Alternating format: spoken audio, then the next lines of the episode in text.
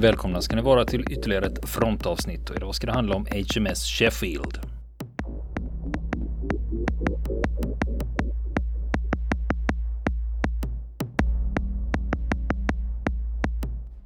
Och nu fortsätter vi prata om sänkningen av HMS Sheffield.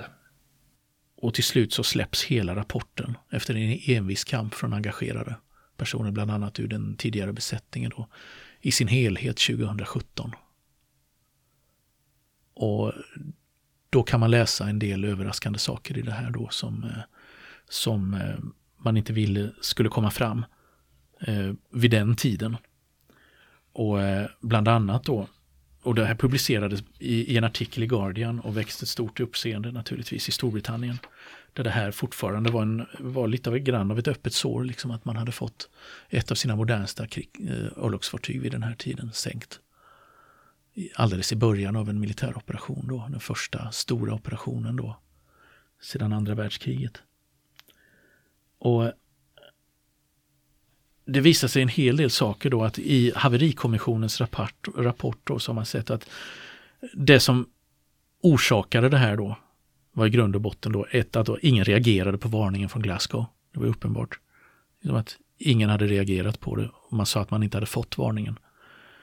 Eh, och fartyget saknade förmåga att störa ut roboten då. Eh, störa ut eh, robotens elektronik då. Och eh, man har också pekat på att det var eh, bristande utbildning hos operatörerna ombord. Då. De, hade inte, de hade inte tränat på målsökning mot lågt flygande mål. Typ sjömålsrobotar i tillräcklig omfattning. hade man inte gjort. Men och det där var ju saker som i stort sett hade varit kända tidigare då, men sen de nya detaljerna som kom fram då, 2000, 2006 och sen 2017, så eh, visade det sig att i rapporter så riktas det mycket hård kritik, bland annat då mot eh, brandbekämpningsutrustningen ombord. Eh, den var helt otillräcklig och den var felkonstruerad. Och ehm, Andra viktiga fakta har hemlighållits, hade hemlighållits på grund av den brittiska regeringen hade planer på att försöka sälja eh, jagare av Sheffield-klassen utomlands. Då ville man inte ha dålig PR om vad det var som hade svagheterna i, uh, i konstruktionen och svagheterna hos, ja, i hanteringen av, av fartyget. Och det finns ju också en, mm. ett annat skäl att hemligstämpla sånt mm. där. Man vill ju inte att det ska komma i fiendens händer. Nej, exakt. Allt för mycket information om mm. ens egna vapenmaterial. Ja. En av de mest uppseendeväckande sakerna i den här rapporten är att två officerare ansågs ha varit försumliga. Så försumliga. Det har inte framkommit exakt vad det var. officerarna har inte pekats ut. Men de var så pass försumliga att det var grund för krigsrätt. Men man tystade ner saken och ställde dem inte inför krigsrätt därför att man ville inte eh, hälla smolk i glädjebägaren efter segern över Argentina vid Falklandskriget under själva Falklandskriget. Ja, då blev det som att då fick det vara värt den förlusten. Ja, det, det fick vara värt så. den, exakt. Ja. Exakt.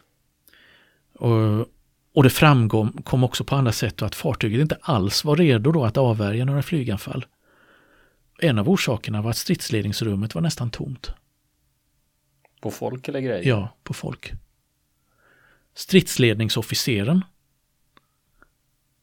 luftvärnsofficeren ombord. Han var och drack kaffe. Och hans assistent var på toa. När, när det här hände. Och på bryggan på fartyget så var också flera eh, nyckelbefäl borta och på annat håll, däribland kaptenen Stark då själv. Och dessutom så eh, var det klart att även, eh, eh inte bara Stark utan även luftvärnsofficeren ombord ansåg att det, det inte förelåg någon, någon risk för argentinska flygattacker. Därför var beredskapen så låg ombord. Och eh, det står sånt i rapporten som att eh, vissa personer i besättningen var uttråkade och lite frustrerade av att ingenting hände. och därför hade man inte garden uppe när det verkligen gjorde det till slut, som en blixt från klar himmel. Men jag, jag kan förstå den här ja. problematiken. Mm. För jag menar alltid när man pratar om det här med mm. beredskap. Mm. Det kan du bara ha si och så länge. Du kan ju inte gå mm. dygnet runt jämt liksom mm. all in utan det får ju finnas lite fram och tillbaka där. Eller liksom mm. vad är den lägsta graden. Men å andra sidan får vi inte glömma att det här är ju ett fartyg som faktiskt befinner sig i ja. en krigszon. Det är ja, krig. Va? Exakt. Och när vi kommer till de tekniska problemen då i fartyget. Radarn ombord skulle mycket väl ha kunnat upptäcka de argentinska planen, men gjorde ju aldrig det. Och det berodde på att det pågick radiokommunikation med ett annat fartyg. Det släckte radarn när man sände meddelanden. Därför såg man aldrig och fick någon förvarning av, eh, av radarn. Det stod inte i broschyren. Det stod inte i broschyren. och det stod definitivt inte i det brittiska försvarsdepartementets pressrelease om sänkningen av Sheffield efteråt. Om sådana saker. Det ville man hålla hemligt. Naturligtvis. Och man har pratat om att, eh, att eh, eh, officerarna, de nyckelpersoner som fanns i stridsledningsrummet på Sheffield eh, inte reagerade på grund av att de dels var oerfarna eller dels otillräckliga. Man använder ordet inadequacy. Det kan betyda att de inte är tillräckligt utbildade men det kan också betyda att de inte är vuxna sin uppgift. Ja, inkompetent. Ja, inkompetent är också en bra beskrivning då. Mm. Nej, men otillräcklig ja. är nog den mm. riktiga mm. översättningen. Ja. När det här händer visar det sig att då kallas luftvärnsofficeren tillbaka till operationsrummet. När man fått eh, signalen om, eh, om eh, inkommande robotar.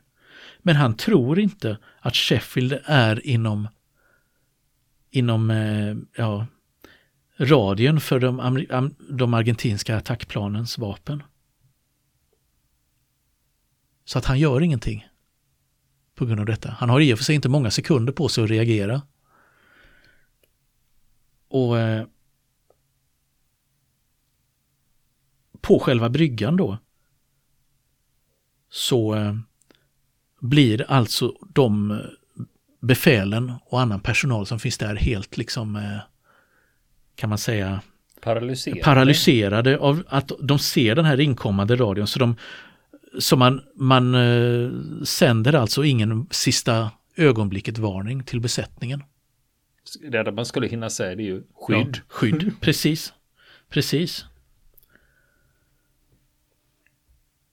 Och utredningen visade också att luftvärnsofficerens misstag då, att han inte tog det på allvar och gjort felbedömningar, var baserat på att han hade läst en underrättelsebedömning eh, som gällde det militära hotet från Argentina eh, som hade kommit i en jättetjock bunt med papper då i form av en jättetjock bunt med papper som var svår att tyda och begripa vad egentligen underrättelsetjänsten menade. Så det fanns fel på många olika nivåer i detta då som samspelade vid, vid den här tragedin. Då. Eh, och man var också omedvetna om att eh, det argentinska flyget behärskade lufttankningsmetoderna och hade den tekniken att kunna genomföra detta. Så man trodde inte att, att eh, det argentinska marinflyget som var landbaserat hade möjlighet att nå Falklandsöarna. Inte med de här franskbyggda planen i alla fall, som hade kortare aktionsradie. Ja, men då hamnar ju saken i ett annat ljus. Ja. För om du tänker dig att man mm. tror att de inte kan lufttanka, man vet, mm. om, man vet ju vilken aktionsradie ja. en superattentat har. Man ja. vet hur, lång, mm. hur långt du kan skjuta en exocet och då är det bara att räkna ut, ja, men det går ju inte, de kan ju inte ens komma hit. Nej. Men när de sen ändå dyker upp i närheten, för när de siktas från Glasgow så är de ju bara 50 kilometer bort. Då måste man ju tänka att oj då, den här är ju, då är de ju faktiskt inom räckvidd för en, för en robot. Men det är klart, man har, det, är lätt, det är lätt för oss att sitta här eh, många år efteråt med de flesta svaren framför oss. Eh, för på den tiden man hade inte många sekunder på sig att reagera. och bestämma sig för är det ett hot eller inte.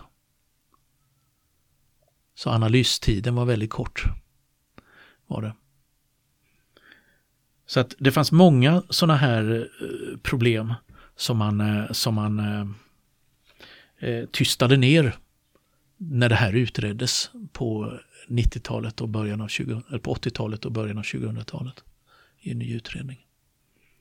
Och som har blivit, alltså blivit kända, eh, kända på eh, först på sistone och idag så ligger de här papperna från utredningen eh, ute på nätet. Vi skulle kunna posta en länk till den som vill eh, plöja hela utredningen eh, på frontens hemsida till, till de här dokumenten.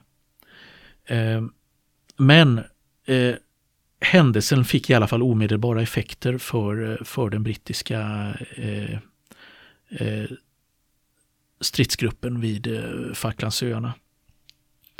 För att man, eh, eftersom man hade blivit överraskad av attacken och inte hunnit inleda undanmanövrer så gavs order om att när ett fartyg misstänkte att det befann sig under attack så skulle det vända mot hotet och öka till maxfart och avfyra eh, remsor. Det här som eh, de här molnen av stanniolremsor.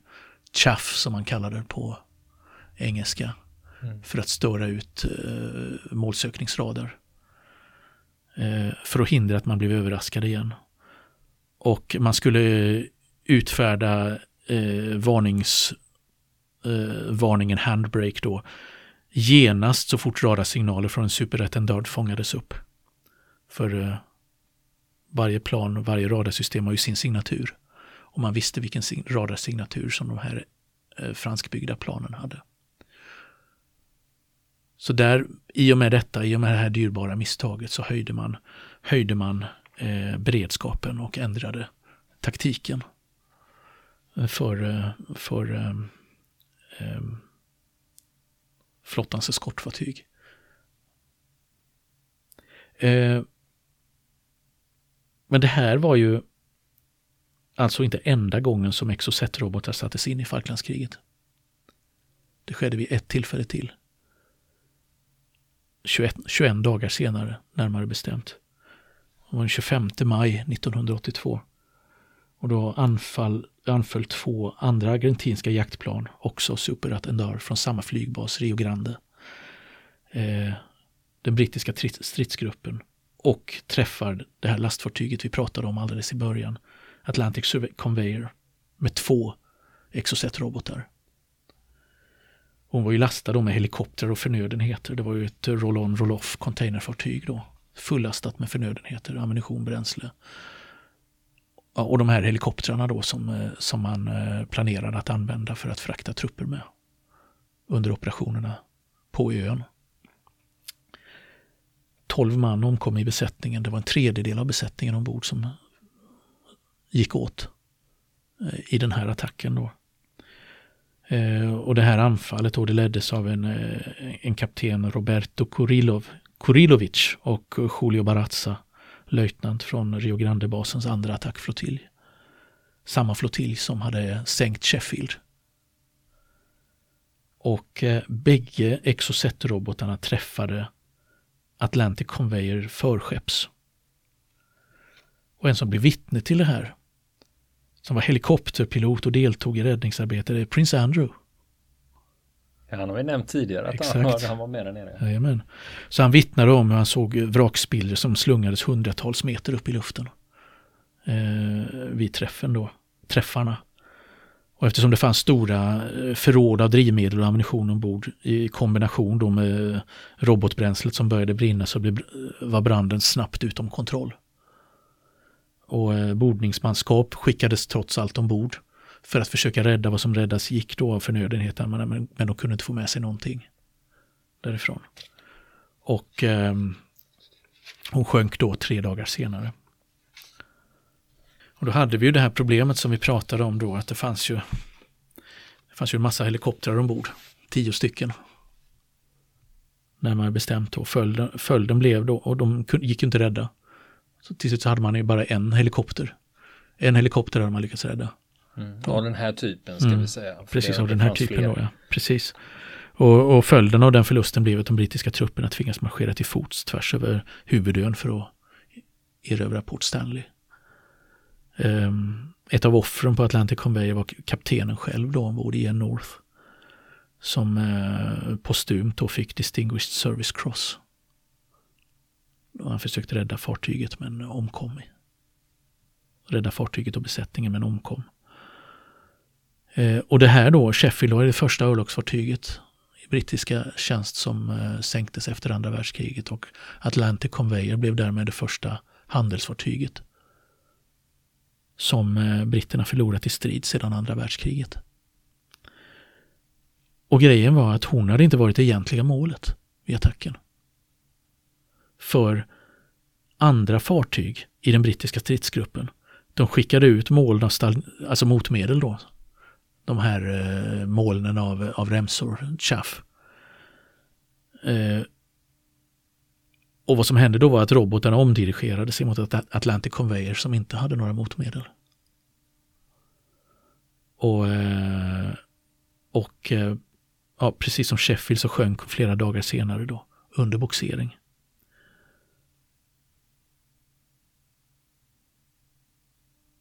Och som vi vet, argentinarna förlorade ju kriget. Eh, Va? Ja, Nej, jag, jag, är ledsen att behöva framföra detta till dig om du trodde något annat. Uh, och ja, du, de, du kommer de hade ju beställt 14 uh, attackplan. Mm. Och de, man fick ju alla 14 till slut, men först efter kriget så var hela beställningen uppfylld. Och 84 så hade man fått de sista planen i den här leveransen då och mm, alla Exocet-robotar som de skulle utrustas med. Och sen de har ju varit i tjänst då i det argentinska flygvapnet fram till våra dagar. Och eh, som jag sa då att ett systerfartyg till eh, Sheffield sänktes av en bomb. Det var Coventry. Och ett annat skadades svårt under Falklandskriget också men det är en annan historia som vi får ta upp i ett annat avsnitt. Men hur gick det då för Kapten Stark? Ja, ja. han eh, förekom ju flitigt i den här utredningen kan jag det tänka mig från haverikommissionen. Det gjorde han. Och det finns också, gjordes också en tv-intervju med honom strax efter sänkningen när han är ombord på, på eh, hangarfartyget Hermes eh, som sen sändes på eh, eh BBC. Och det är en man som uppen, helt uppenbart är i chock. Fortfarande. Och den, den kan man se som ett, den finns utlagd på Youtube. Eh, lätt att hitta, den intervjun. Eh, och han berättar om det ur sin synvinkel då. Eh, naturligtvis eh, berättas bara valda delar eller vad han råkar veta just då och sen eh, kring detta. Eh, men i alla fall officiellt sett så föll ingen skugga över honom. Utan han kunde fortsätta sin karriär som om ingenting hade hänt efter Falklandskriget. Ehm, Man fick befälet eh, över en annan jagare i samma klass då, i Sheffield-klassen, HMS Southampton när kriget var över. Och eh, ja, han befordrades och befordrades och blev en höjdare i marinstaben. I, I slutet av 80-talet blev han konteramiral och ställföreträdande chef för marinstaben i början av 90-talet och var en, av, en av dem då som koordinerade Royal Navys understödsoperationer under Desert Storm. Eh, kriget mot Irak. Och eh, Sen så jobbar han inom det brittiska krigsmaterielverket på 90-talet och så går, gick han i pension 1997 från, från flottan och hade flera toppositioner inom försvarsindustrin och den civila sjöfarten. Eh, efter det. Och 2009 så gick han bort i cancer. Eh, inte lastgammal vid den här tiden. Och hur gick det med mannen som sänkte hans fartyg då? Kapten Augusto Bedacaraz. Medaljer och karriär. Medaljer och karriär, det är rätt uppfattat. Han, eh, han var 28 år under Falklandskriget och kunde fortsätta karriären inom marinflyget. Och han blev flottiljchef på det argentinska eh, hangarfartyget Venticinco de Mayo, ja just det, 25 maj. Mm. Det var ju det du nämnde, mm. eh, för de slog mm. ju till den 25 maj. Just det. Mot Atlantic Conveyor. Just det. Just det. Och det blir ju eh, alltså stort firande för det blir väldigt mm. viktigt även att det är argentinska nationaldagen. Ja. Och så precis då lyckas man, man slå ut Atlantic Conveyor. Just det. det, det datumet är lite viktigt. Där. Ja, och eh, han blev lärare på krigshögskolan i Argentina också. Han var ju firad krigshjälte, högsta tapperhetsmedaljerna. Och 91 eh, så gick han i pension. Men eh, från flygandet alltså. Men han fortsatte att ha administrativa jobb för flottan fram till eh, 2004. Och han är i livet fortfarande, lever som pensionär i Argentina. En annan sak då som man eh, också eh, kanske inte är så där känd i det här när det gäller Falklandskriget och just den här aspekten av Falklandskriget var att man hade samma vapen på bägge sidor. Britterna hade också Exocet-robotar, sjömålsrobotar, fast de hade den varianten som var monterad på fartyg. Medan argentinarna hade de som var monterade på eh, flygplan. Eh, men britternas kom inte till, eh, till insats däremot. Dessutom, Sheffield, HMS Sheffield. Det fanns två stycken jagare av Sheffield-klass i argentinska flottan vid den här tiden. Som brittiska regeringen hade sålt till Argentina före kriget. Det var en som hette Hercules och en som hette Santissima Trinidad. Mm. Heliga treenigheten. Det var ju ganska moderna grejer. Då, ja, toppmodernt. Då kan det inte ha varit så länge sedan. Alltså när kriget bröt ut, att det kan ju inte mm. varit så jättemånga Nej, det här, var i, det här var i slutet av 70-talet som de här såldes eh, till den, till den argentinska flottan när, eh, när de diplomatiska relationerna fortfarande var hyfsade mellan de båda länderna där. Och eh, de var också insatta i kriget, Falklandskriget. Fast de var insatta som eskortfartyg åt Argentinas hangarfartyg. Eh, som var ute en kort period i början av, eh, av kriget men sen tillbringade resten av kriget i hamn.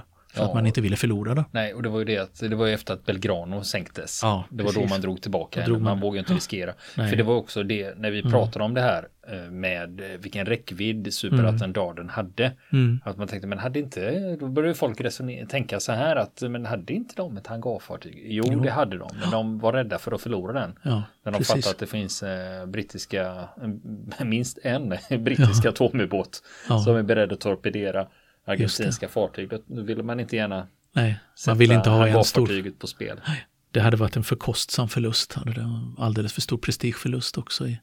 Man måste ju tänka på opinionssiffrorna hemma också. Det, är en, det gäller ju även för militära ledare. Gör det. Och idag så finns det inget eh, fartyg av Sheffield-klassen kvar i den brittiska flottan.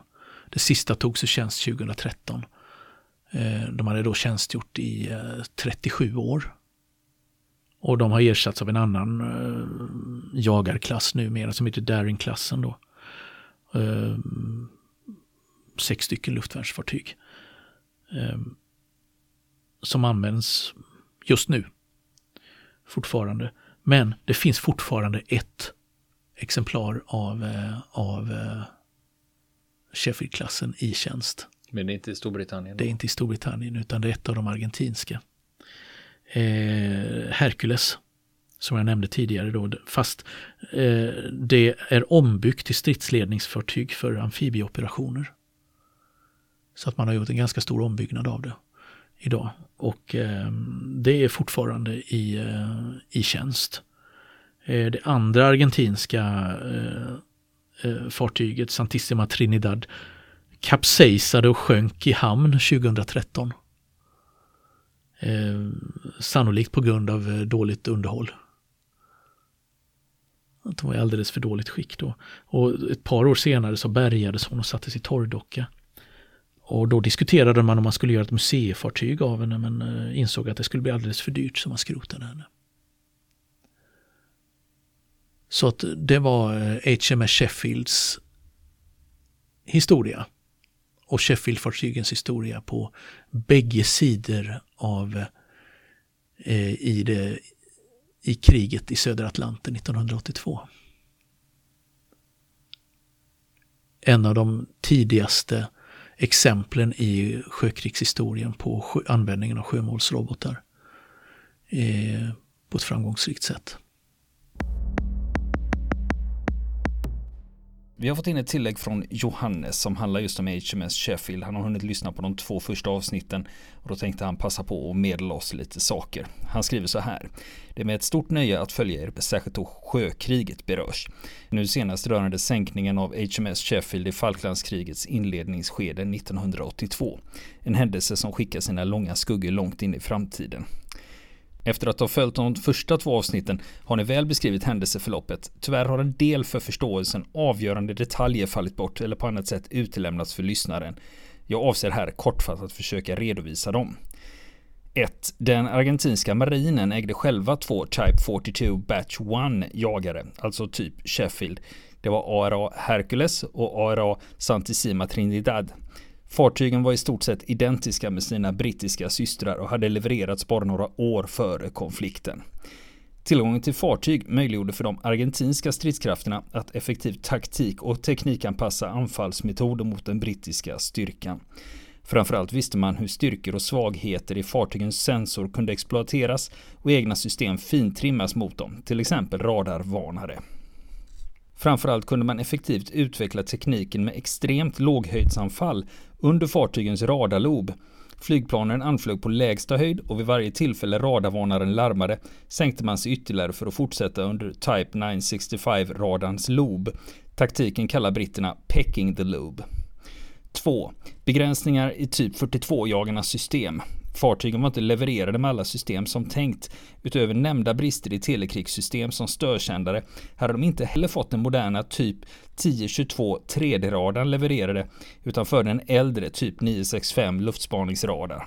Faktorer som inte helt spelar in på Exocet-träffen på Sheffield med en viktig faktor i sänkningen av HMS Coventry ett par veckor senare. 3. Bristen på flygande förvarning, AEW.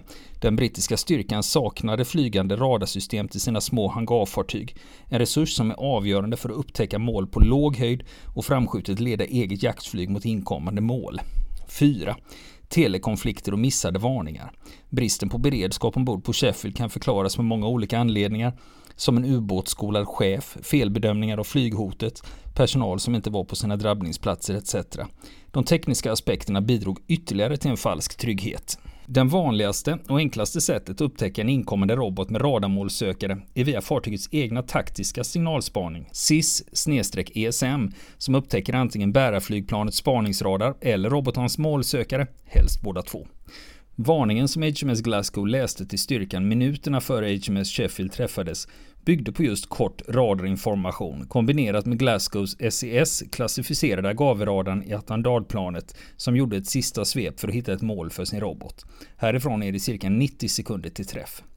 Varför Sheffield missade den lästa varningen kan ha flera orsaker, men eftersom den lästes på både VHF och HF bör avståndet inte varit en faktor. Men självklart kan hon ha legat i skipzonen för HF och utanför VHF räckvidd.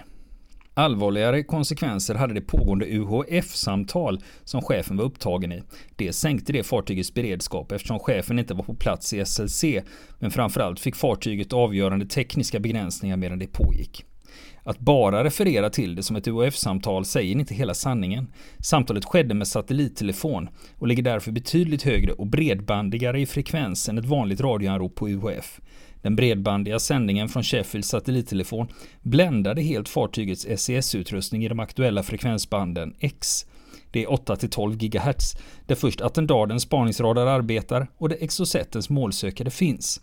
Fartyget var alltså helt dövt för att höra både inkommande attackflyg och robotar. Hoppas dessa små kommentarer ska vara till hjälp och stöd inför avslutande avsnitt. Jag har 20 års erfarenhet av arbete i den svenska marinen och ett livslångt intresse av örlogshistoria. Och då tackar vi Johannes för de här kompletterande uppgifterna om HMS Sheffield. Vill ni komma i kontakt med oss så kan ni göra det via vår Facebook-sida som heter Fronten. Det är inga problem för er att leta er fram där. Eller också så mejlar ni på vår mejladress och det är frontenpodcast@gmail.com.